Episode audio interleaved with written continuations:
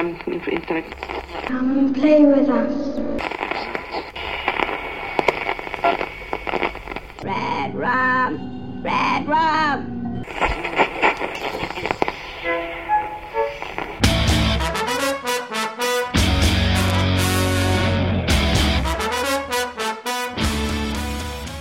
Witamy bardzo serdecznie w kolejnym odcinku podcastu Radio SK. Dzisiaj tradycyjnie mówi do Was Hubert Spandowski, a jest ze mną e, Michał Rakowicz. Witam Ciebie bardzo serdecznie, cześć. Cześć Mando, witam wszystkich słuchaczy. I tak jak zapowiadaliśmy gdzieś tam w komentarzach na YouTubie bodajże, zabraliśmy się za kolejną powieść Stephena Kinga, kolejną klasyczną powieść. Tym razem jest to Martwa Strefa. E, Martwa Strefa, którą, która dla ciebie była chyba jedną z pierwszych książek Kinga, jaką przeczytałeś. Dobrze pamiętam? Tak, dokładnie tak. E, ja w sumie nie jestem przekonany, ale zgadywałbym, że to była druga książka, którą przeczytałem Kinga. E, no, to było gdzieś tam początek lat 2000 e, pewnie czytałem, wydaje mi się, że w miarę premierowo wydanie Sprimy, to które chyba się ukazało w 98 roku. E, no i tak mówię, zakładam, że to było na świeżo w miarę po tym wydaniu, kiedy po tę książkę sięgnąłem i bardzo dobrze ją wspominałem. E, także szalenie przyjemnie mi się do niej teraz wracało, bo byłem ciekaw, e, wiesz, jak wypadnie to takie zestawienie z e, wizją, którą miałem sprzed 20 lat no i tymi pozytywnymi odczuciami. Czasem to może wyjść na niekorzyść danego dzieła, no bo niestety wiemy wszyscy, jak działa nostalgia i ludzka pamięć, jak, jak to często bywa, że filtrujemy pozytywnie rzeczy, które no niekoniecznie wytrzymują próbę czasu, ale tak czy siak jakby z optymizmem zasiadałem do lektury, y, no a jak wyszło, no to się przekonają zaraz słuchacze, jak pogadamy chwilę. Wiesz co, ja to doskonale rozumiem. Y, w grudniu omawiałem książkę Cztery po północy, która też była Wtedy ja do dzisiaj nie pamiętam, czy pierwszą, czy drugą książką, jaką przeczytałem Stephena Kinga, ale zakładam, że drugą. Przy czym no troszeczkę wcześniej, to był tam gdzieś 94 rok i też po tych 20 pięciu latach e, wracałem w audio, gdy Audioteka wypuściła w ramach tego cyklu Stephen King mini powieści i też mi się to fantastycznie słuchało. To był taki powrót po latach. Natomiast e, Martwa Strefa, ja nie pamiętam kiedy przeczytałem. Myślałem, że wcześniej, ale jak mówisz, że pierwsze wydanie było w 98, no to to pewnie też jakoś tam przełom wieków. Chyba nawet wcześniejsze było pierwsze, tak mi się wydaje, bo jak ja sprawdzałem u was na stevenking.pl, to y, pierwsze w ogóle to pokazuje jeszcze A, jako stref, no strefa no tak. śmierci, jako Phantom Press, czyli to tam był chyba 93 czy 4, e, także w zasadzie to wydanie Primy, które ja byłem święcie przekonany, że było pierwszym w Polsce, też się zaskoczyłem, ale nie było pierwsze, czyli to już, już musiało być przez Phantom pamiętam, Press no. wydane. Mhm. Przy czym ja to, to Phantom Pressowego nie miałem, dostałem później od Buriala i to tak dużo, dużo później, czyli moje pierwsze też było z Primy, czyli to musiał być ten okres, ale akurat tytuł Strefa Śmierci to przez długi czas E, funkcjonował. To, to wydanie z Primy to też była Strefa Śmierci. Bezsensowny tytuł tak naprawdę, chociaż ja byłem zdziwiony, bo w tym tekście, który my słuchaliśmy, określenie Strefa Śmierci nadal funkcjonuje. Tylko, że zawsze jest podawane na takiej zasadzie, że jakieś informacje są w martwej strefie, strefie śmierci. Nie wiem po co jest to dodane. To nie za każdym razem się pojawia, ale pojawia się kilka razy. Tak trochę bez sensu, no bo Strefa Śmierci jest tutaj bezsensownym tytułem, bo tu chodzi o e, taką strefę, gdzie nasz jasnowic, do czego za chwilę przejdziemy, nie widzi pewnych informacji. One znajdują się w martwej strefie. No, czyli to nie ma związku z żadną śmiercią. Po prostu niektóre, niektórych rzeczy nie jest w stanie on dostrzec, bo one znajdują się w martwej strefie. Ale kontynuując ten mój monolog, e, ja z kolei nie miałem jakichś e, wspomnień z tą książką. Ja nawet nie pamiętam, czy czytałem ją wcześniej raz, czy więcej razy i w ogóle nie pamiętam, kiedy ją czytałem. E, co prawda, wiesz, pamiętałem, że to jest fajna książka i że mi się podobała i że dobrze mi się ją czytało, ale nie wiem, czy byłem w liceum, czy byłem na studiach. Także teraz wracając do niej, to zupełnie inaczej. To, to, to nie było takie odświeżenie fajne i, i zweryfikowanie po latach, tylko tak w zasadzie trochę na nowo, ale też przez ekranizację te, to pamię- te, te, te historie pamiętałem na tyle, że no, dobrze się, dobrze się słuchało, ale, ale zupełnie inaczej niż w Twoim przypadku. Natomiast, tak jak już tutaj powiedziałem, słuchaliśmy ją obaj w audio. To jest audiobook wydany z kolei przez Pruszyńskiego, bo przez jakiś czas ta książka była. Mm, no nadal chyba jest, nie wiem, nawet prawa do niej miał Pruszyński i spółka. I audiobook trwa 18 godzin, czyta go Roch Siemianowski. E, podobała Ci się wersja audio? To jak czyta Roch Siemianowski? Bo chyba nie omawialiśmy jeszcze żadnego jego audiobooka, przynajmniej w Radiu SK. Nie, nie omawialiśmy i to w ogóle też było moje pierwsze spotkanie z tym lektorem, ale podobało mi się.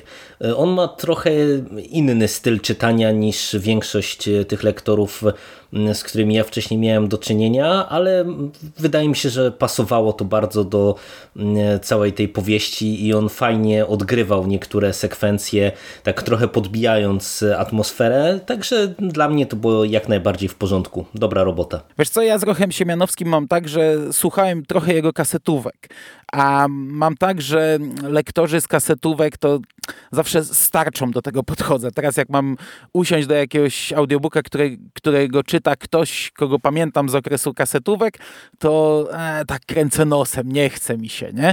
Co prawda akurat jego kasetówki, on czytał tylko Kujo z Kinga na, na kasetówkach i pamiętam, że to był, był jeden z lepszych audiobooków w tamtym okresie, więc to nie, nie wiem dlaczego e, w taki sposób e, podchodzę, ale mimo wszystko cały czas gdzieś tam mam z tyłu głowy, że to jest, e, że, że wiesz, że, że mam, mam, mam zapamiętane taką słabą jakość tego.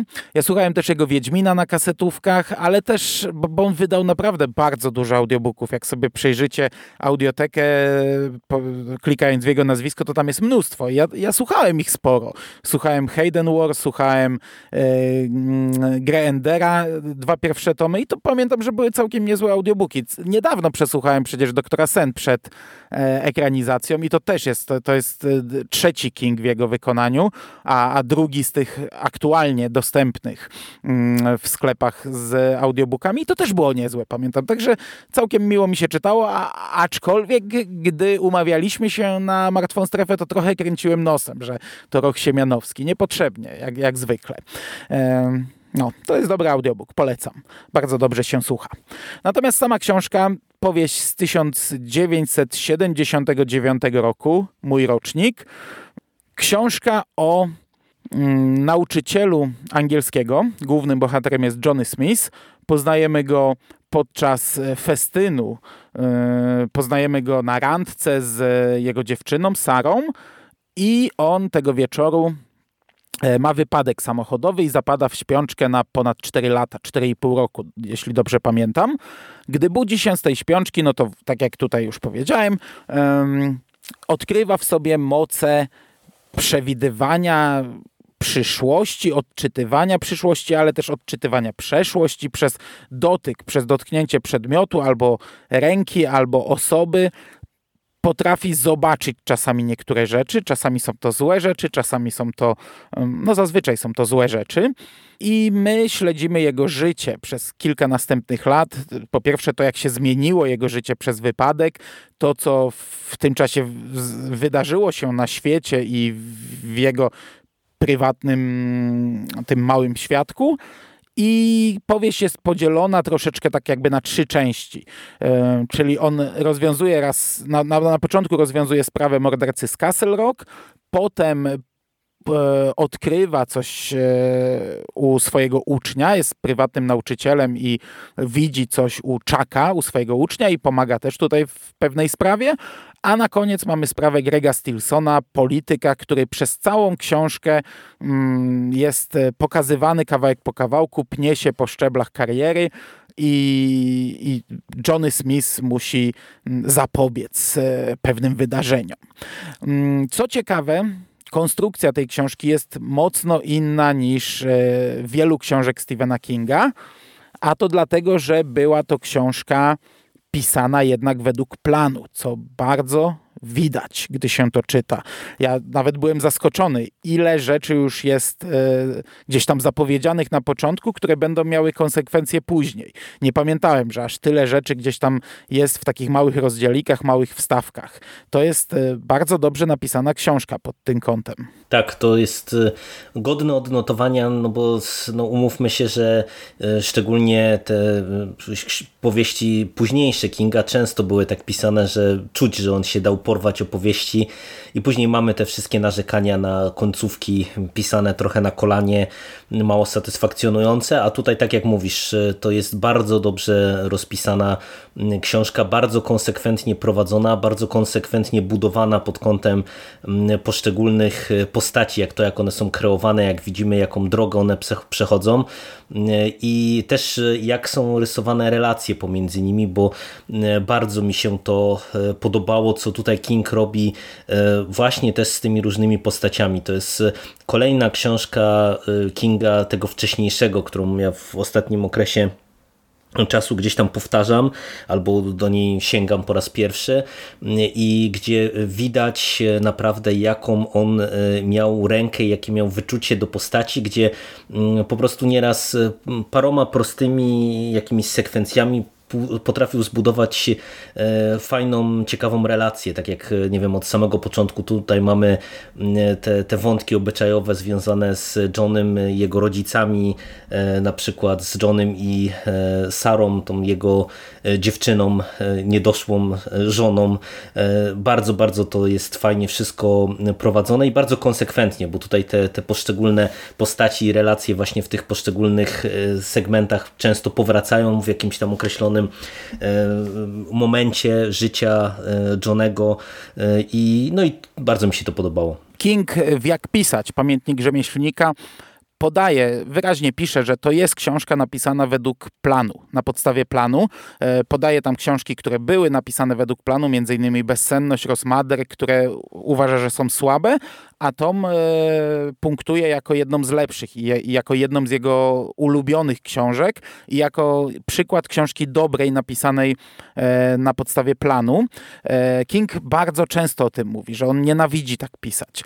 Kilka dni temu odbył się online, odbyło się spotkanie online Kinga z Johnem Grishamem i tam też poruszyli ten temat. Grisham mówił, że czasami zaczyna pisać książkę od napisania ostatniej strony i King, wiesz, łapał się za głowę, mówił, że to jest koszmar, to brzmi jak, jak koszmar, jak można wtedy usiąść do pisania książek, książki, gdy już znasz jej zakończenie, że, że nie wyobraża sobie czegoś takiego, a jednocześnie, wiesz, w jak pisać, on mm, powiedział, że Pomy pomysłem na tę książkę były dwa pytania, tutaj cytuję z pamięci.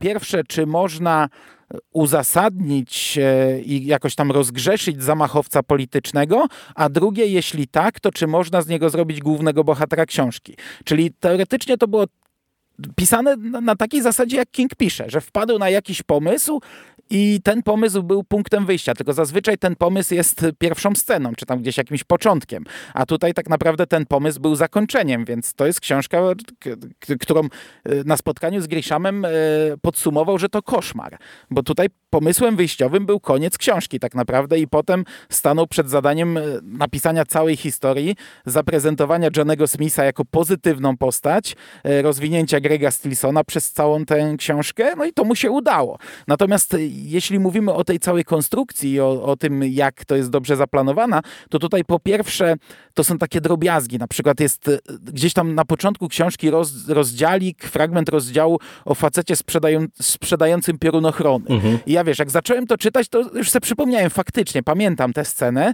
ale mówię, kurde, no to takie, jak ktoś czyta pierwszy raz, nie wie o co chodzi, a, a to będzie miało związek z pewnymi wydarzeniami bliżej końca książki. I takich rzeczy jest więcej. A druga rzecz, ja zapamiętałem tę książkę jako taką segmentową, jako punkt wyjścia do serialu. Może właśnie przez serial tak ją zapamiętałem, bo to była dobra książka właśnie na punkt wyjścia do serialu, co zresztą zostało wykorzystane w 2002 roku.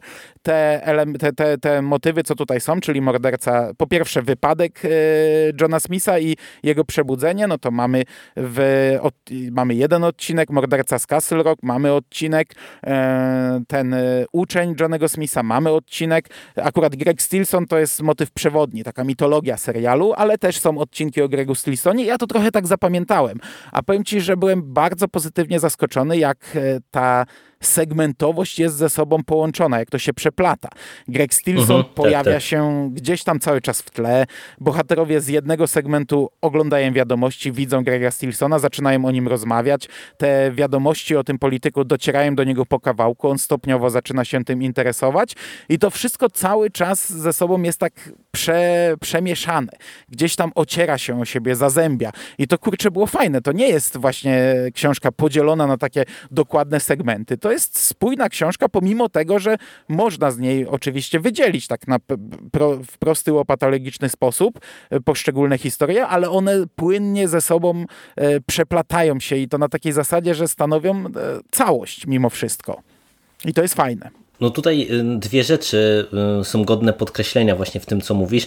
Raz y, ten taki fajny foreshadowing, bo tutaj mamy sporo rzeczy takich, gdzie King się bardzo umiejętnie bawi z czytelnikiem, albo serwując, czy podprowadzając nas pod rozwiązanie, które później będzie chciał odwrócić, jak mamy tutaj taką zabawę trochę z tym mordercą z Castle Rock, gdzie mm, wydaje mi się, że jeżeli ktoś pierwszy raz czyta powieść, to może odnieść zupełnie inne wrażenie w kontekście wiesz, potencjalnego finału tej opowieści niż e, ostatecznie to zostaje spuentowane. I e, te takie małe rzeczy, o których ty wspominasz, jak na przykład e, ten wątek piorunochronów, to przecież E, dla mnie jednym z takich, taki, jedną z takich małych perełek jest chociażby sam motyw tych tygrysów, które się śnią Johnemu od któregoś momentu e, i gdzie on tam widzi krzyk i e, te, ten atak tygrysa i tygrysie centki, kiedy to w którymś momencie mm, wychodzi na pierwszy plan cały ten motyw tygrysich centków, no to po prostu to ja też z szerokim uśmiechem na twarzy po prostu to czytałem czy słuchałem, bo to też pokazuje właśnie jak dobrze to wszystko wszystko było zaplanowane przez Kinga. A druga kwestia a propos tej segmentowości, o której ty wspominasz, to to jest e, e, przykład tego, o czym Randall e, mówił trochę w przypadku pieśni Suzana, tylko tam uważam, że to nie zadziałało, a tutaj to zadziałało fantastycznie, czyli tej umiejętności do tworzenia przez Kinga takich małych historii, małych historii w większej opowieści. Bo to, tutaj właśnie to wszystko, co ty mówisz, to, to są często bardzo takie małe historie, nie? bo tutaj przecież, nie wiem, mamy wątek tego mordercy z Castle Rock, ale też na przykład, nie wiem, pojawia się w tym segmencie wątek szeryfa, który jest tam w pewien sposób e, rozwijany czy podprowadzany. I, i, I, w, każdej z tych, w każdym z tych segmentów, o których y, ty wspomniałeś, no to mamy właśnie jeszcze takie różne drobniejsze y, elementy czy drobniejsze historie.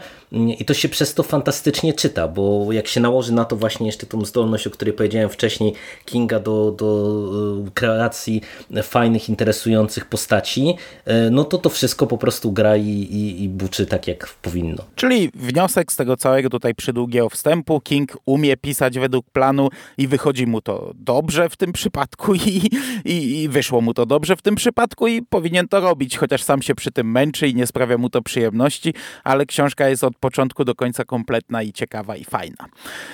Okej, okay. bohaterowie. King też wie jak pisać, bo sobie teraz przed nagraniem kartkowałem, bo pamiętałem, że tam trochę jest o martwej strefie. Mówił, że to był problem dla niego, stworzenie postaci Johnego Smitha, który miał być z założenia bardzo normalnym człowiekiem, takim najbardziej pospolitym bohaterem, już samo nazwisko, imię i nazwisko Johnny Smith e, sugeruje i, pokazuje, jak e, takim e, szarym człowieczkiem jest ta postać. Jego historia wypada świetnie. Od te, tego szczęścia i tej takiej radości i beztroski przez ten wypadek i zawalenie się całego świata a potem e, je, obserwujemy trochę z jego punktu widzenia, chociaż to nie jest w pierwszej osobie pisane, tą konfrontację z tym, jak świat się zmienił. Zarówno od strony politycznej, od strony mm, no, wizualnej nawet, ale też ten jego właśnie mały świat. E, rodzina, jego matka, która popadła w tą e, obsesję religijną, co też Kingowi zazwyczaj dobrze wychodzi, tu jest drobnym elementem. Dziewczyna, z którą, którą kochał, to, to jest w ogóle fantastyczny tak, motyw, tak, że on się budzi po czterech, po czterech, po prawie pięciu latach i dla niego to jest jak wczoraj. On cały czas ją kocha, to, to się nic nie zmieniło, a, a, a u niej się zmieniło wszystko, nie? E, no, udało mu się napisać postać naprawdę dobrą i, i to, jak on e, walczy z tym darem, który dostał, jak walczy z ludźmi, którzy e, z jednej strony smarują go w prasie, z drugiej gdzieś tam go opluwają, z trzeciej zasypują go listami, e, to jak on nie chce tego robić, a mimo to to robi i, i to jak ostatecznie zostaje doprowadzony właśnie do tego punktu wyjścia, czyli do, do zamachu, to jest kurczę, świetnie napisany bohater. No ja się w pełni pod tym podpisuję, naprawdę to jest fantastyczna postać, i e, dla mnie to jest też właśnie przykład dobrze prowadzonej postaci od samego początku, bo ty tak e, w sumie mm, szybko przepłynąłeś przez te poszczególne fazy, ale nawet e, zwróćmy uwagę na ten początek, nie? gdzie mamy mm, to, to budowanie tego jego szczęścia i ten wypadek, to w sumie zajmuje mhm. duży fragment objętościowo całej powieści. Ja byłem aż zaskoczony, że mm, tak naprawdę to tak długo się rozkręca, nie? że tam, nie, nie wiem, ja nie pamiętam już teraz, nie chcę strzelać, ale to tam z 5 6 godzin wydaje mi się, że mogło być e, tej, tego całego podprowadzenia właśnie do wypadku, ale absolutnie e, ja nie miałem poczucia, że to jest zbędne, że to jest e, coś nie tak. Fantastycznie mi się śledziło po prostu losy tej postaci, bo to jest taka też postać, która mam wrażenie jest trochę taką nie dzisiejszą postacią, w tym sensie, że wiesz, my w obecnej popkulturze mamy dominację tych bohaterów e, ze skazą. E, bohaterów albo e, mhm. wręcz antybohaterów, albo takich bohaterów z jakąś tam mroczną przeszłością, a on jest absolutnie zaprzeczeniem tego. Nie? To jest postać taka trochę bez zmazy i skazy, ciepła, dobra, sympatyczna. Nie, nie wiem, jak on buduje tą relację z Sarą, no to to przecież do rany przyłóż, ale też właśnie to, co ty mówisz, że później, kiedy kiedy my widzimy te jego zmagania po wypadku, to to też jest wszystko fantastycznie pokazywane, nie? gdzie właśnie on jest y, pokazywany i prezentowany jako postać rozdarta, ale trochę w myśl tej zasady, że z wielką mocą wiąże się wielka odpowiedzialność, że on stopniowo nawet y, mając przeciwko sobie, nie wiem, prasę chociażby, czy, czy wiedząc, że korzystanie z tego daru będzie mu generowało kłopoty, no to on stopniowo dorasta do, do tej właśnie odpowiedzialności, do, do wzięcia spraw we własne ręce i w mniejszych i sprawach i w tych większych. I to wypada fantastycznie właśnie, że, że to jest e, taka e, ciepła i fajnie, pozytywnie prowadzona postać. Trochę mi brakowało czegoś takiego, ci powiem, bo, bo naprawdę mam wrażenie, że ostatnimi czasy to po prostu wszy, wszyscy mają coś za uszami, nie? I, i tak z, naprawdę z uśmiechem na ustach śledziło mi się poczynania tego rodzaju postaci, takiego wiesz, trochę harcerzyka, można powiedzieć. Mhm. No i postacie drugoplanowe wkoło niego też są w większości bardzo dobre, bo ja strasznie polubiłem jego ojca, mhm. który pewnie na, na, na, zbyt wiele pozwolił matce, pewnie powinien to jakoś zatrzymać, zahamować e, w którymś momencie, ale, ale no, tego nie zrobił. No i matka jest raczej no, negatywną postacią, znaczy taką nieprzyjemną, ale z drugiej strony też się ją rozumie. Nie? To jest kobieta, która była wierząca, a przez to, co się stało, e, kompletnie zagubiła się, zatraciła w tej wierze. Ale w ogóle ojciec jest świetną postacią. Zarówno to, jak w odpowiednich momentach potrafi zastopować matkę, e, jak potrafi porozmawiać z tym synem. Bardzo mi się podobało to, jak ta, takie dość szokujące, jak on się w zasadzie modlił o śmierć tego swojego mm -hmm, syna i tak, potem, tak, tak. potem mu to jeszcze powiedział, e, bo, bo musiał to z siebie zrzucić, wyrzucić. Ale to też ja, ja go rozumiałem. Nie? Fajny jest doktor Wajzak, Wajzak, czy nie pamiętam dokładnie jak to się czyta. E, to też jest przyjemna postać i też mamy gdzieś tam kłótnie w pewnej chwili, bo on przecież sprzedaje, to znaczy oddaje, daje namiar, namiary na, John, na Johnego, ale też w dobrej wierze, chociaż zdaje sobie sprawę, że um, zrobił, zrobił no, nie do końca dobrze. Powiem ci, że teraz czytając to, na początku nie lubiłem Sary. Kurczę, te, te, ten początek, gdy ona jest przedstawiona, to taka jakaś, miałem wrażenie, że to jest taka postać um, e, przez złego pisarza pisana, czyli nie, który nie wie, jakie emocje ona ma wzbudzić, bo ona oczywiście ma być przeciwieństwem trochę Johnego, jest inną nauczycielką, ale z drugiej strony taka ta cała jej historia z tym wcześniejszym, brutalnym chłopakiem i to, jak ona jest do niego uwiązana, taka trochę mi się niepotrzebna wydawała. Ona sama z jednej strony trochę święta, z drugiej gdzieś tam ma myśli takie bardzo rozwiązłe seksualnie i ten początek tak trochę nie bardzo mi pasował. Potem mi się już podobało, potem gdy ona już poszła swoją drogą, ale to przez to, że to jest skonfrontowane z, z mm, Johnem, gdy ona go odwiedza, no oczywiście odwiedza, rozmawia z nim i, i, i gdzieś tam no, no ona, ona nie zdaje sobie trochę chyba sprawy też jak, jakie emocje to budzi u niego, ale też bardzo podoba mi się ta scena ich, ich takiego ostatniego powiedzmy spotkania. Mhm, e, tak. Ją bardzo lubiłem zawsze. Ale tutaj nie wiem, na początku miałem z Sarą tak trochę problem, nie przepadałem za tą postacią. Ale wiesz, to wydaje mi się, że tutaj to jest też trochę tak, że te elementy, które ty podniosłeś w, kontek w kontekście konstrukcji samej tej postaci, to zwróć uwagę, że to są takie motywy, które często u Kinga gdzieś tam wracają, nie? czyli właśnie mm, jakiś tam partner y, przemocowy y, i, i próba wyrwania się z tego rodzaju relacji, no to, to, to nie jest pierwszy i ostatni raz, kiedy tego rodzaju postać kobiecą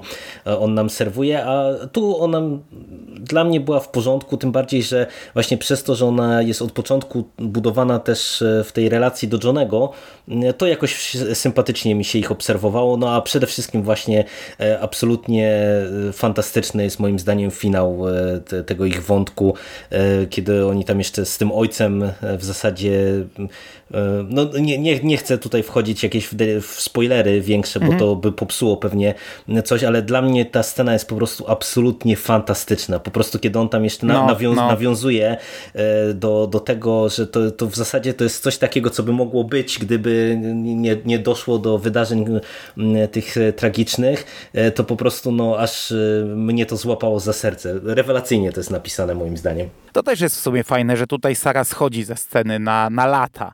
E, tak naprawdę, a potem jest, e, potem powraca na tę scenę, bo w filmie Davida Cronenberga no, ona musiała być bohaterką, to nie mogło być, że ona zejdzie, więc ona, wiesz, była w, nie wiem, czy to oglądałeś, nie, nie, albo nie, czy pamiętasz. Nie, nie oglądałem to, tego To ona filmu. była w sztabie wyborczym Stilsona, więc ona była tam cały czas e, w tej historii i tak naprawdę to, co robi na koniec Stilson, to, to z jej dzieckiem, nie? Także to było, mm, ona musiała być częścią tej historii, a tutaj fajnie, że gdy oni, powiedzmy, mają ten, ten punkt przełomowy, ten, ten taki, takie spuentowanie, zakończenie swojego, tej, tej tragicznej historii, to ona znika na lata. Jest nawet to takie typowo kingowe, że nie widzieliśmy się przez następne tam, nie wiem, trzy lata czy coś, nie pamiętam ile, e, coś tam takiego pada. Natomiast no, mamy jeszcze postać negatywną, ale zanim do niej przejdę, bo to jednak długi, długi wątek z nią, to chciałbym jeszcze się zatrzymać nad tym Castle Rock i szerifem Bannermanem, o którym wspomniałeś, bo to jest pierwsza powieść, która zaczyna historię Castle Rock. To tutaj King zaczął historię Castle Rock i, no i to jest dla mnie też fajna rzecz. Znaczy fajna rzecz już z dzisiejszego punktu widzenia, gdy wiem jak to się rozwinęło. Bo na tamtym etapie no to to był po prostu jakiś tam segmencik. A gdy wiem, że wiesz, George Bannerman jest e, ważną postacią dla mnie, to, to, bo, bo mm, no to jest pierwszy szeryf, jakiego poznaliśmy, e, gdy, no, to, to było coś, na co ja czekałem teraz wracając do tej książki. Troszeczkę mnie delikatnie rozczarowało, że to jest tak cholernie krótkie. Nie pamiętałem, że ten segment jest tak krótki, a on naprawdę, ja go przesłuchałem na raz w jedno przedpołudnie i mówię, kurde, to już koniec, tyle czekałem, żeby sobie y, posłuchać początek Castle Rock, ale to jest fajne, to jest, y, rozgrywa się chyba zimą, albo to moje wyobrażenie, bo w filmie było zimą. Nie, nie, nie było e, zimą. I ta mhm. historia morderstw i to, jak to, to w ogóle jak wypada Bannerman, który mm, no, jest bardzo sceptyczny, a potem w ogóle jest bardzo negatywnie nastawiony do tego, co, mm, co mm, Johnny odkrywa. Y, bardzo mi się podobał ten segment, bardzo go lubię i to jest coś, do czego się wraca, bo potem przez w wielu książkach jest, jest przywoływany morderca z Castle Rock, jak, jak wiesz, tak, tak tylko jak, jak mamy jeden akapit gdzieś tam jakiejś historii mm, tego miasteczka albo tego yy, yy, miejsca na mapie, większego miejsca na mapie, to do tego się często wraca. Ja bardzo lubię ten segment, bardzo się cieszę, że on się tu znalazł. No i to jest coś, co zaczęło wielką, długą przygodę. No to też jest w ogóle ciekawy aspekt tej powieści, patrząc właśnie z tego wspomnianego przez ciebie powrotu po latach, bo mm, tutaj nie dość, że Castle Rock, nie dość, że właśnie Sheriff Bannerman, to w ogóle z, mojej obecnej perspektywy, wiesz, czytelnika, który ma za sobą znaczną część bi bibliografii Kinga, to w ogóle się ciekawie czyta y, Martwą Strefę, bo mm, mamy Castle Rock, mamy, nie wiem, jakieś tam nawiązania do Salem, gdzieś tam się pojawia też Dola Jeruzalem na przykład. Mhm. Y, przecież pojawia się nawiązanie do dziewiętnastki, gdzie e, no, mi szczęka o, o, opadła po prostu, bo mm, autentycznie mnie zamurowało, wiesz, no ja byłem święcie przekonany, co, że to ja się... To, ja to tak trochę, o tym trochę mówiłem przy Mrocznej Wieży, z Randalem, ale zaraz się zatrzymałem, bo nie chciałem za bardzo wchodzić w temat, że, że takie rzeczy mocne były, mocne nawiązania do dziewiętnastka się pojawiała wcześniej, przy czym to jest, to, to teoretycznie można by powiedzieć, że to jest na zasadzie, wiesz, nie pamiętam jak brzmi to powiedzenie, że kupisz niebieskiego garbusa, to potem tak, tak wszędzie tak, widzisz niebieskiego garbusa. I trochę tak jest, że jak się czyta stare książki Kinga, gdziekolwiek się nie pojawi dziewiętnastka, no to wow, fajnie, nie? Śmiesznie, ale tutaj ta dziewiętnastka odgrywa tak kluczową, tak ważną rolę, że, że to jest po prostu wow, nie? Czytasz książkę z 79 i sobie wtedy myślisz, no dobra, czyli to, co było w pieśni Suzana, e, to w sumie jest pod tym kątem fajne, nie? Że, że w 77 Stephen King spotkał Rolanda i Ediego, oni go zahipnotyzowali i mu tam coś wszczepili, a dwa lata później on napisał Martwą Strefę, gdzie dziewiętnastka odgrywa kluczową rolę. No, to, to jest dokładnie, dokładnie jest tak, jak mówisz i po prostu, no mówię, to był dla mnie duży taki pozytywny szok, mm, także w ogóle te, te nawiązania i te smaczki, e, bo tutaj też właśnie e, pada ta wzmiankowana Carrie, e, o której też mówiłeś trochę w tym podcaście o Mrocznej Wieży. Mm, także no, to jest coś ciekawego z perspektywy właśnie tej czytelniczej już, gdzie widzimy jak później on też sobie buduje cały ten univers, całe to uniwersum, cały ten świat. Bardzo przyjemny powrót z, tej, z tego punktu widzenia. No tak, Kerry pada na tej zasadzie, że nie wiem, czy to nie jest pierwsze nawiązanie do Stephena Kinga, a nie do powieści Stephena Kinga. Nie pamiętam, czy, czy już wcześniej nie pojawiło się jakieś, ale no tutaj jest tak bardzo, bardzo wyraźne.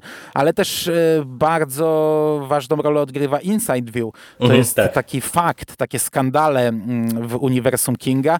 Y, czasopismo stworzone przez niego, taki szmatławiec, który tam y, pisze o, nie wiem, pojawieniu się UFO i ma pełno jasnowidzów gdzieś tam i przewidują różne rzeczy i, i robią różne, różne skandale właśnie, ale wiesz, Inside View pojawia się bardzo często. Ktoś czyta Inside View w różnych książkach, nawet teraz Wies Krew e, pojawiło się i to nie tylko jako tam gazetka leżąca, tylko bohaterowie o tym mówią. E, gdzieś tam jest dialog o Inside View, ale tutaj e, pojawia się Richard Dis, który jest z kolei głównym bohaterem Nocnego Latawca i no i on i z nim jest całkiem długa scena i całkiem długi dialog i potem jeszcze powraca do tego, także faktycznie Martwa Strefa jest taką książką, która tych nawiązań ma bardzo dużo. Jak na rok 79 mm, no to już e, nieźle się tutaj zabawił w rozbudowę swojego uniwersum. Okej. Okay. Środkowy segment jest powiedzmy no mniej istotny, no ciężko, ciężko to tak nazwać. On jest też fajny, bo tam mamy fajnego ucznia, ta, ta rodzina jest całkiem ciekawa. To, to wszystko się fajnie toczy, gdy, gdy e, w końcu Johnny do, odkrywa to, co się wydarzy, no to to są, to są kurde mocne sceny i fajne. I mi się podobało w książce, że oni się jakoś od niego nie odwrócili. W filmie to było, przy czym nie pamiętam, czy u Cronenberga to było. Było, było też. To było takie negatywne, wiesz, w tym momencie e, ci, ci bohaterowie tacy nie mili się dla niego stali tutaj, to nadal jest przyjemne, nadal jest miłe, nadal, nadal oni mają z nim kontakt i w sumie to, jak się zachowują, to też mi się strasznie podobało, gdy mm, Johnny odkrywa, że dojdzie do pożaru, to jak bohaterowie się zachowują, to jak potem sobie wyrzucają. To jest fajna scena, tylko to, to jest też taki króciutki segment i nie jest aż tak istotny, jak powiedzmy Castle Rock i jak to, do czego za chwilę będziemy zmierzać. Zresztą ten środkowy segment też nas mocno podprowadza pod Grega Stilsona, także nie wiem, czy chcesz coś, dwa zdania nie, nie, tym środkowym tu, tu, segmencie. Tu, tutaj w zasadzie nie, jedna tylko rzecz, że ten segment on może istotnego znaczenia nie ma, natomiast wydaje mi się, że on mm, jest dosyć ważny z perspektywy budowania, postrzegania tego daru e, Johnego i tego właśnie jak ludzie na niego reagują. E, plus właśnie te, te jego rozterki, wiesz, wszystkie mm, czy podjąć działania, czy nie podjąć, e, czy, czy to co zrobi to ma znaczenie, czy nie ma znaczenia. Wydaje mi się, że ten segment właśnie z tego punktu widzenia on mhm. później zyskuje na, na znaczeniu, nie? że on teoretycznie mógłby być prawie że wycięty bez jakichś większych konsekwencji, ale właśnie przez to, że tutaj pojawia się dużo takiej tej podbudowy psychologicznej dla tych dalszych działań Johnego i jego decyzji, to, to to też się bardzo fajnie czyta, tym bardziej, że no też tak jak mówisz, to jest e, kolejny taki no, pozytywny segment, zapełniony fajnymi postaciami, bo mimo, że przecież tutaj ten ojciec to jest przecież jakaś tam gruba szycha z jakiegoś koncernu, ale nawet on e, jest takim trochę no. jakimś biznesmenem z taką ludzką twarzą, nie? gdzie on e, z jednej strony kocha i szanuje tego syna, ale z drugiej strony nie jest w niego tak zapatrzony, jak to nieraz widzimy u tych dzieci bogaczy, że wszystko, wszystko dla tych dzieci, ale w takim trochę negatywnym sensie, nie? że tylko dać im kasę i, i kasa jako substytut miłości, relacji czy czegokolwiek innego. I też mi się bardzo dobrze to czytało właśnie w kontekście tego, że mamy tutaj do czynienia mm, z jakimiś bogaczami, którzy są w sumie trochę zaprezentowani jako taka no, normalna rodzina, normalnie funkcjonująca. Mhm. Fajne. No, to jest fajne. I właśnie to, co mówisz, że on tutaj nie podjął takiej ostatecznej, definitywnej decyzji i sam się potem zastanawiał, czy, czy, czyżby on nie wierzył w swoje wizje, nie? No bo tak naprawdę on powiedział, co się wydarzy, y, gdzieś tam no, próbował, ale gdyby wierzył, że to się naprawdę stanie tak ostatecznie, ostatecznie wierzył, no to nie wiem, to by, by, by się przykuł, gdzieś by zatrzymał, to by, nie wiem, by, by, by cokolwiek zrobił, a nie zrobił. No i doszło tutaj do pewnej tragedii, umniejszonej dzięki niemu, ale jednak gigantycznej tragedii i, i to wpłynęło na jego dalsze postępowanie, że w momencie, gdy już zobaczył, co się wydarzy z Gregiem Stilsonem, no to tutaj już nie było zmiłuj się. E, co prawda nadal są fajne, proste rozterki, to znaczy pytania, które zadaje, co byś zrobił, gdybyś się przeniósł e, w czasy Hitlera. I, i to, to są w sumie kilka rozmów, ale fajnych, e, no ale te, ten środkowy segment miał duże znaczenie. Natomiast tak jak mówimy, końcówka i cała, mm, całe zamknięcie książki dotyczy Grega Stilsona, który jest bohaterem od początku. Jest, widzimy jego w zasadzie zasadzie no, większość życia, mm, drogi do kariery, od sprzedawcy Biblii przez e, biznesmena jakiegoś, przez burmistrza, e, a potem pięcie się po szczeblach e, polityki. No i King też pisał o tym właśnie, że, że, że to była kolejna postać, gdzie no, musiał się postarać, to znaczy takie przeciwieństwo Johnego Smitha zrobić była łatwiejsza do napisania, no bo negatywne postaci są łatwiejsze do napisania, e, no ale zrobił, znaczy z naszego punktu widzenia, gdzie widzimy wielu dziwnych, skrajnych i potencjalnie bardzo niebezpiecznych polityków, to, to jest trochę przerażające. King pisał, na, na kim się wzorował, nie pamiętam już na kim, ale też pisał, że tylko częściowo się wzorował na jego kampanii wyborczej, a że on był politykiem trochę innym, ale teraz na przykład bardzo często od tam iluś lat, e, gdy Kinga pytają o politykę, o Trumpa, o Donalda Trumpa, mm, to przywołuje, za każdym razem chyba przywołuje e, książkę Martwa Strefa. Mówił, że kiedyś napisał o takim człowieku powieść. Ale wiesz to, to e, ja nawet tego jakoś nie, nie kojarzyłem, że on tutaj Trumpa wyciąga mm, przy okazji Martwej Strefy, ale to jest tak silnie widoczne, jak się teraz czyta o tym. Po prostu ja y, miałem autentycznie, wiesz, ciary momentami, jak tam, nie wiem, są takie sekwencje, jak wyskakuje Stilson ze swoją partią e, Ameryka Dziś jak on głosi różnego rodzaju tezy mm, w kontekście te, takiego mm, e, zamknięcia granic i wzmocnienia tej Ameryki kosztem e, różnego rodzaju decyzji negatywnych na e, tych rynkach międzynarodowych. No przecież to jest coś, co my widzimy autentycznie tu i teraz, nie? To jest, to jest niesamowite. Pod mhm. tym kątem to jest po prostu coś, coś autentycznie niesamowitego, bo mm, no te paralele, paralele są bardzo, bardzo widoczne. Oczywiście no, można powiedzieć, że to jest przypadek, no ale, ale autentycznie jest to y, z tego punktu też widzenia właśnie coś y, ciekawego, coś interesującego. Tym bardziej, że e, to też jest postać dobrze pisana. E, no, może tak jest, że on jest negatywną postacią i to taką stricte negatywną, bo, bo tak jak e, John Smith, tak jak ja pisałem, to jest taki harcerzyk bardzo pozytywny, z dużą ilością ciepła i tak dalej, i tak dalej. To Stilson jest z kolei taką, takim złem wcielonym, złem absolutnym, gdzie tutaj nie ma w zasadzie jednej pozytywnej cechy z nim związanej, mhm. ale to jest też w sumie fascynujące, że właśnie na tle tego, jak on jest portretowany, jak my widzimy Mm, jak on się pnie po tych szczeblach kariery. I oczywiście można by powiedzieć, że pnie się e, dzięki różnego rodzaju brudnym chwytom i brudnym gierkom, ale z drugiej strony e, tłumy kochają go głównie za e, jego słowa i za jego obietnice, co też w dzisiejszych czasach tej populistycznej polityki, którą widzimy wszędzie, e, czy począwszy od naszego pięknego kraju, a właśnie skończywszy na Stanach Zjednoczonych, gdzie populiści z, różnych, z różnego rodzaju względów no, mają się bardzo dobrze i, i, i zdobywają poklask, no, no to po prostu czyta się to autentycznie z zafascynowaniem. Stilson jest od początku pisany jako zła postać. To tak jak właśnie John Smith jest od początku dobry i nie mamy żadnych wątpliwości i on nie przechodzi przemiany na złego, chociaż no, teoretycznie robi złą rzecz na koniec, ale jest na tyle, my, my, wiemy dlaczego to robi, więc w tym nie ma zła.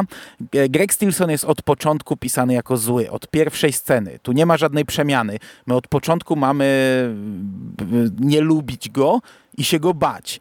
I przecież pierwsza scena, gdy on kopie psa i, i, i kopie go, maltretuje go i zabija, no to już nam pokazuje, że mamy do czynienia z chorym, niebezpiecznym człowiekiem i ostatni raz nawiążę do jak pisać. E, King napisał, że ta scena wywołała bardzo negatywne e, odczucia u czytelników i dostał mnóstwo listów, e, też często takich do niego negatywnych, że maltretowanie zwierząt odpisywał na nie po pierwsze pierwsze to jest fikcyjna postać, po drugie to jest fikcyjny pies, ale to tak tylko tutaj taki żarcik, ale od początku my mamy widzieć, że to jest negatywna postać i mnie wręcz przerażało to, jak łatwo udaje mu się piąć po tych szczeblach na mhm, takiej tak, zasadzie, tak. że wiesz, połowa ludzi się śmieje, e, wygłupia się, głupek tam i tak przecież nigdzie nie dojdzie, a nawet jak teraz wygra, no to, to za kilka lat zniknie ze sceny i połowa ludzi na takiej zasadzie podchodzi, że przecież co tu się tym przejmować, e, to nic mu się nie uda, a mu się udaje. Druga część, która jest zastraszana przez niego, na przykład mamy, nie wiem, mamy pokazane sceny, gdzie on szantażuje wielu ludzi, no i ci ludzie milkną. Ci ludzie mogliby narobić szumu i gdzieś tam syfu mu narobić, sami siebie też grzebiąc trochę, ale wiesz, zatrzymaliby to, a, a większość ludzi wychodzi, nawet, nawet tutaj pada takie, gdy, gdy grożą e, dziennikarzowi. To nie jest szantaż, tylko groźba e, do dziennikarza, że, że będzie musiał uważać na swoją rodzinę, że jego córce może coś się stać, że jego żonie może coś się stać i ten dziennikarz puentuje ten rozdział tym, że dobra, to ktoś inny się tym zajmie. Ja pasuję, ktoś kiedyś tam ukręci mu łeb. No i to jest coś takiego, wiesz, yy, mówi się, nie, że zło wygrywa, gdy dobrzy ludzie nic nie robią, nie? I to jest trochę przerażające, no bo dzisiaj też często tak mamy. Ja tak często podchodzę do polityki, że a, to nie jest mój świat, ja odłączę się od tego, nie będę oglądał wiadomości, po co się denerwować, przecież yy, tylko, tylko sobie zdrowia napsujemy, a i tak nic nie zmienimy. I tutaj to widzimy, ty, tych ludzi, którzy sobie myślą, dobra, i tak tego nie zmienię, prędzej czy później to się skończy, a widzimy do czego to może doprowadzić. Gdyby nie John Smith, to by się skończyło, oczywiście, dla nas wszystkich. Znaczy dla wszystkich ludzi żyjących na Ziemi w tym, w tym wymyślonym świecie. Także to, to były takie elementy, które mnie, do, do, mi dość mocno mroziły krew w żyłach, ci powiem. No ja się absolutnie nie dziwię i się absolutnie pod tym podpisuję, tym bardziej, że to jest, mówię, naprawdę mm, kolejny świetnie napisany element. Tu ja nie jestem w stanie się w tej książce praktycznie do niczego przyczepić, bo właśnie to, to co ty mówisz, mówisz, że mamy z jednej strony te, te, te wszystkie jego brudne giereczki, ale ja ci powiem, że nawet mam mniejsze pretensje, czy jestem w stanie bardziej zrozumieć właśnie tych y, wszystkich ludzi, którzy mm, no, dokonują y, tych wyborów y, no, negatywnych, no, dają się szantażować, manipulować i tak dalej, i tak dalej, no ale można powiedzieć, że oni mają przynajmniej coś do stracenia. Ale właśnie to, jak jest na przykład sportretowany ten cały tłum, o, o którym też wspomniałeś, nie? że nie wiem, że za przysłowiowe hot dogi i piwo i drinki nagle okazuje się, że można się dostać do e, Senatu, a później zajść jeszcze dalej, e, no to to jest coś takiego, co po prostu no, daje do myślenia właśnie z perspektywy tego, co my widzimy dzień po dniu w, na ekranach telewizorów w każdych wiadomościach. Nie? I, I no, to jest pod tym kątem naprawdę też bardzo, bardzo dobrze rozpisana powieść. Tak jest. No i ostatecznie to, na co decyduje się John Smith, czyli ten punkt wyjścia, e, zamach polityczny. Tak jak powiedziałem, też jest fajnie podprowadzony, bo bardzo mi się podobały te rozmowy. Mhm, czy czy tak. zabiłbyś Hitlera, E, a, a, ktoś tam zadaje pytanie, a czy, czy uniknąłbym konsekwencji, czy mógłbym się przenieść z powrotem? No nie, nie mógłbyś, nie? No i wiemy, że John Smith też nie uniknie konsekwencji i, i, i ja też się nie, nie jestem w stanie do niczego przyczepić, bo podoba mi się wszystko to, podoba mi się jak są umotywowane te decyzje, jak on e, w końcu decyduje się na to, co ma zrobić i nawet podoba mi się, bardzo podoba mi się to, jak ostatecznie mm, te wydarzenia mm, E, przebiegają. Czyli gdzieś tam to też jest zaskakujące, to, to, to do czego dochodzi nie? w momencie e, wyciągnięcia broni i, i, jak to wszystko się potoczyło. Bardzo mi się to podobało, że na przykład, wiesz, no, no nie poszedł po takiej linii, jak można by się spodziewać, tylko to rozpisał trochę inaczej i zakończył karierę Stilsona w inny sposób. No i potem na koniec to, co mówisz, mamy te listy i, i, i takie, taką emocjonalną końcówkę, bardzo emocjonalną. To jest świetnie zakończona książka. No, to, to się też e, tutaj pod tym podpisuje i to e, ten finał taki zaskakujący to jest e, też kapitalnie rozpisana rzecz i ja ci powiem, że ja nawet dałem się teraz trochę zaskoczyć, bo tak jak mówiłem, że ja bardzo dobrze okazało się, pamiętałem tę książkę, przynajmniej większość z niej elementów, to właśnie trochę ta końcówka mnie zaskoczyła. Zapomniałem, że to się w ten sposób będzie rozgrywało i nawet właśnie byłem ciekaw, w jakim kierunku to pójdzie. I bardzo się cieszę, że tak to zostało y, rozpisane i, i, w, takim kierunku właśnie King y, podążył, co też w zasadzie moim zdaniem jest takim ciekawym spuentowaniem w ogóle tej, tej drogi y, polityka, nie? gdzie tak naprawdę no, można powiedzieć, że nawet nie on, kiedy dochodzi do, do tego mm, strącenia go z piedestału w jakiś tam sposób, już nie wchodząc w większe spoilery i dyskusje, to, to przecież w zasadzie no nie dochodzi do ujawnienia jakichś jego brudnych gierek, jakichś e, szantaży i tak dalej, i tak dalej, tylko tak naprawdę no, sytuacja jest e, dużo bardziej taka emocjonalna, nie? czy oparta, to odwrócenie się ludzi od niego jest oparte na, na emocjach i, i to też jest właśnie fajne, bo to pokazuje właśnie, że tak jako e, można tymi hotdogami, pączkami, darmowymi drinkami i ładnym uśmiechem i obietnicami zajść daleko, to też łaska pańska na pstrym koniu jeździ, jak to się mówi, nie? I nagle jak się znajdzie pewnie ciekawsza alternatywa, ktoś kto obieca więcej, lepiej, będzie lepiej wyglądał, to, to nagle e, może się okazać, że wszyscy o tym zapomną po prostu. Nie? Tak jest. Okej. Okay. Nie wiem, czy coś jeszcze chcesz. Nie, nie, w zasadzie chyba nie. No, e, ja się z tobą zgadzam całkowicie. Ja się nie mam do czego przyczepić w tej książce. Rzadki przypadek e, książki Stephena Kinga, w której absolutnie wszystko mi się podobało, e, co mnie zaskoczyło bardzo, bo ja Martwej Strefy nie stawiałem gdzieś tam, wiesz, w swoim rankingu książek. Co prawda nadal chyba bym jej gdzieś tam bardzo, bardzo wysoko nie stawiał, bo, bo, bo są książki, które po prostu bardzo lubię, ale, ale to jest e, świetna książka. To jest naprawdę świetna książka od początku do końca. E, nie ma w niej nic, co by mi się nie podobało i bardzo mocno gra na emocjach i, i tak jak mówimy, bardzo mm, daje do myślenia i trochę przeraża e, przez odbicie tego, co, co no, widzimy bardzo często w dzisiejszych czasach gdzieś tam w telewizji, mm, co się dzieje w dzisiejszym świecie polityki. Bardzo polecam. Jak ktoś nie czytał, no może trochę wam zaspoilerowaliśmy niektóre rzeczy, ale tak czy siak e, emocji wam nie przekażemy. Emocje sami przeżyjecie. To jest naprawdę bardzo dobra rzecz. No to jest kapitalna książka. No tak jak ja wspomniałem, ja do niej, do niej z takimi lekkimi obawami podchodziłem, bo mówię, no często to tak jest, że nieraz jak się siądzie do tych dzieł, które się pamięta mm, z takimi pozytywnymi emocjami, to później przychodzi rozczarowanie. Tutaj absolutnie nie. E, bardzo dobrze się tę powieść czytało i, i uważam, że to jest naprawdę świetna książka i też ja, ja trochę miałem podobnie, że ja jej jakoś wysoko nie stawiałem. Dobrze ją oceniałem, dobrze tak wiesz, kojarzyłem ją w głowie jako fajną książkę, ale nie, nie wymieniłbym jej na pewno, jakby ktoś mi się zapytał o jakieś najlepsze dokonania Kinga. A teraz stwierdzam, że to jest naprawdę jedna z jego chyba moich ulubionych książek. Naprawdę, no jest tak dobrze skonstruowana, tak dobrze przemyślana, tak dobrze rozpisana.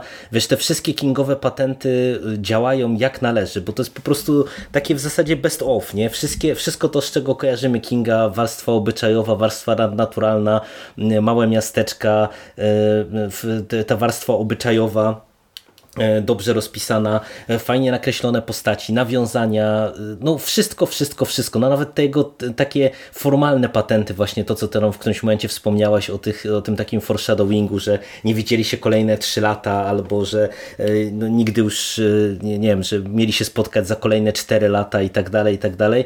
Wszystko to mhm, jest po mhm. prostu stosowane tak, jak należy i, i to jest autentycznie rzadki przypadek, tak jak mówisz, książki Kinga, gdzie nawet te niektóre rzeczy, które on w późniejszej swojej twórczości właśnie już trochę nadużywa, które e, okazują się być już takim trochę zgranym e, chwytem, czy, czy, czy jakąś lekką przesadą, tutaj po prostu trafiają w punkt i no po prostu to jest świetna książka, którą e, mimo, mimo już tak wielu lat na karku, no bo to jest 79 rok, co też dla mnie było lekkim szokiem, bo ja nie wiem dlaczego, ale ja w głowie miałem, że ta powieść no jest gdzieś tam z końcówki. Nie przesadzajmy, że taka stara. No. No, faktycznie, faktycznie. Ale, ale wiesz, byłem święcie przekonany, że to jest tam bliżej e, końcówki lat 80., nie? Czy tam gdzieś 88, 89, czyli ja jej dawałem tam dobre 10 lat e, mniej, no ale, ale okazało się, że ma tyle, ile ma, ale no, jest to naprawdę świetna książka i, i warto po nią sięgać też teraz, zdecydowanie. Okej. Okay. Czyli jak nie czytaliście, polecamy. Możecie sięgnąć po wersję audio, możecie sięgnąć po papier, dużo było wydań, a my będziemy kończyć. Nie obiecujemy kolejnej powieści Stephena Kinga, czy kolejnej klasycznej powieści, bo audiobooki powoli nam się też kończą, e, ale może coś kiedyś niedługo zobaczymy. Dziękuję Ci bardzo, drogi kolego, za rozmowę. Dzięki Ci bardzo, Mando. I do usłyszenia w przyszłości. Miejmy nadzieję lepszej. Miejmy nadzieję bez Gregów Stilsonów. Amen. Cześć. Cześć.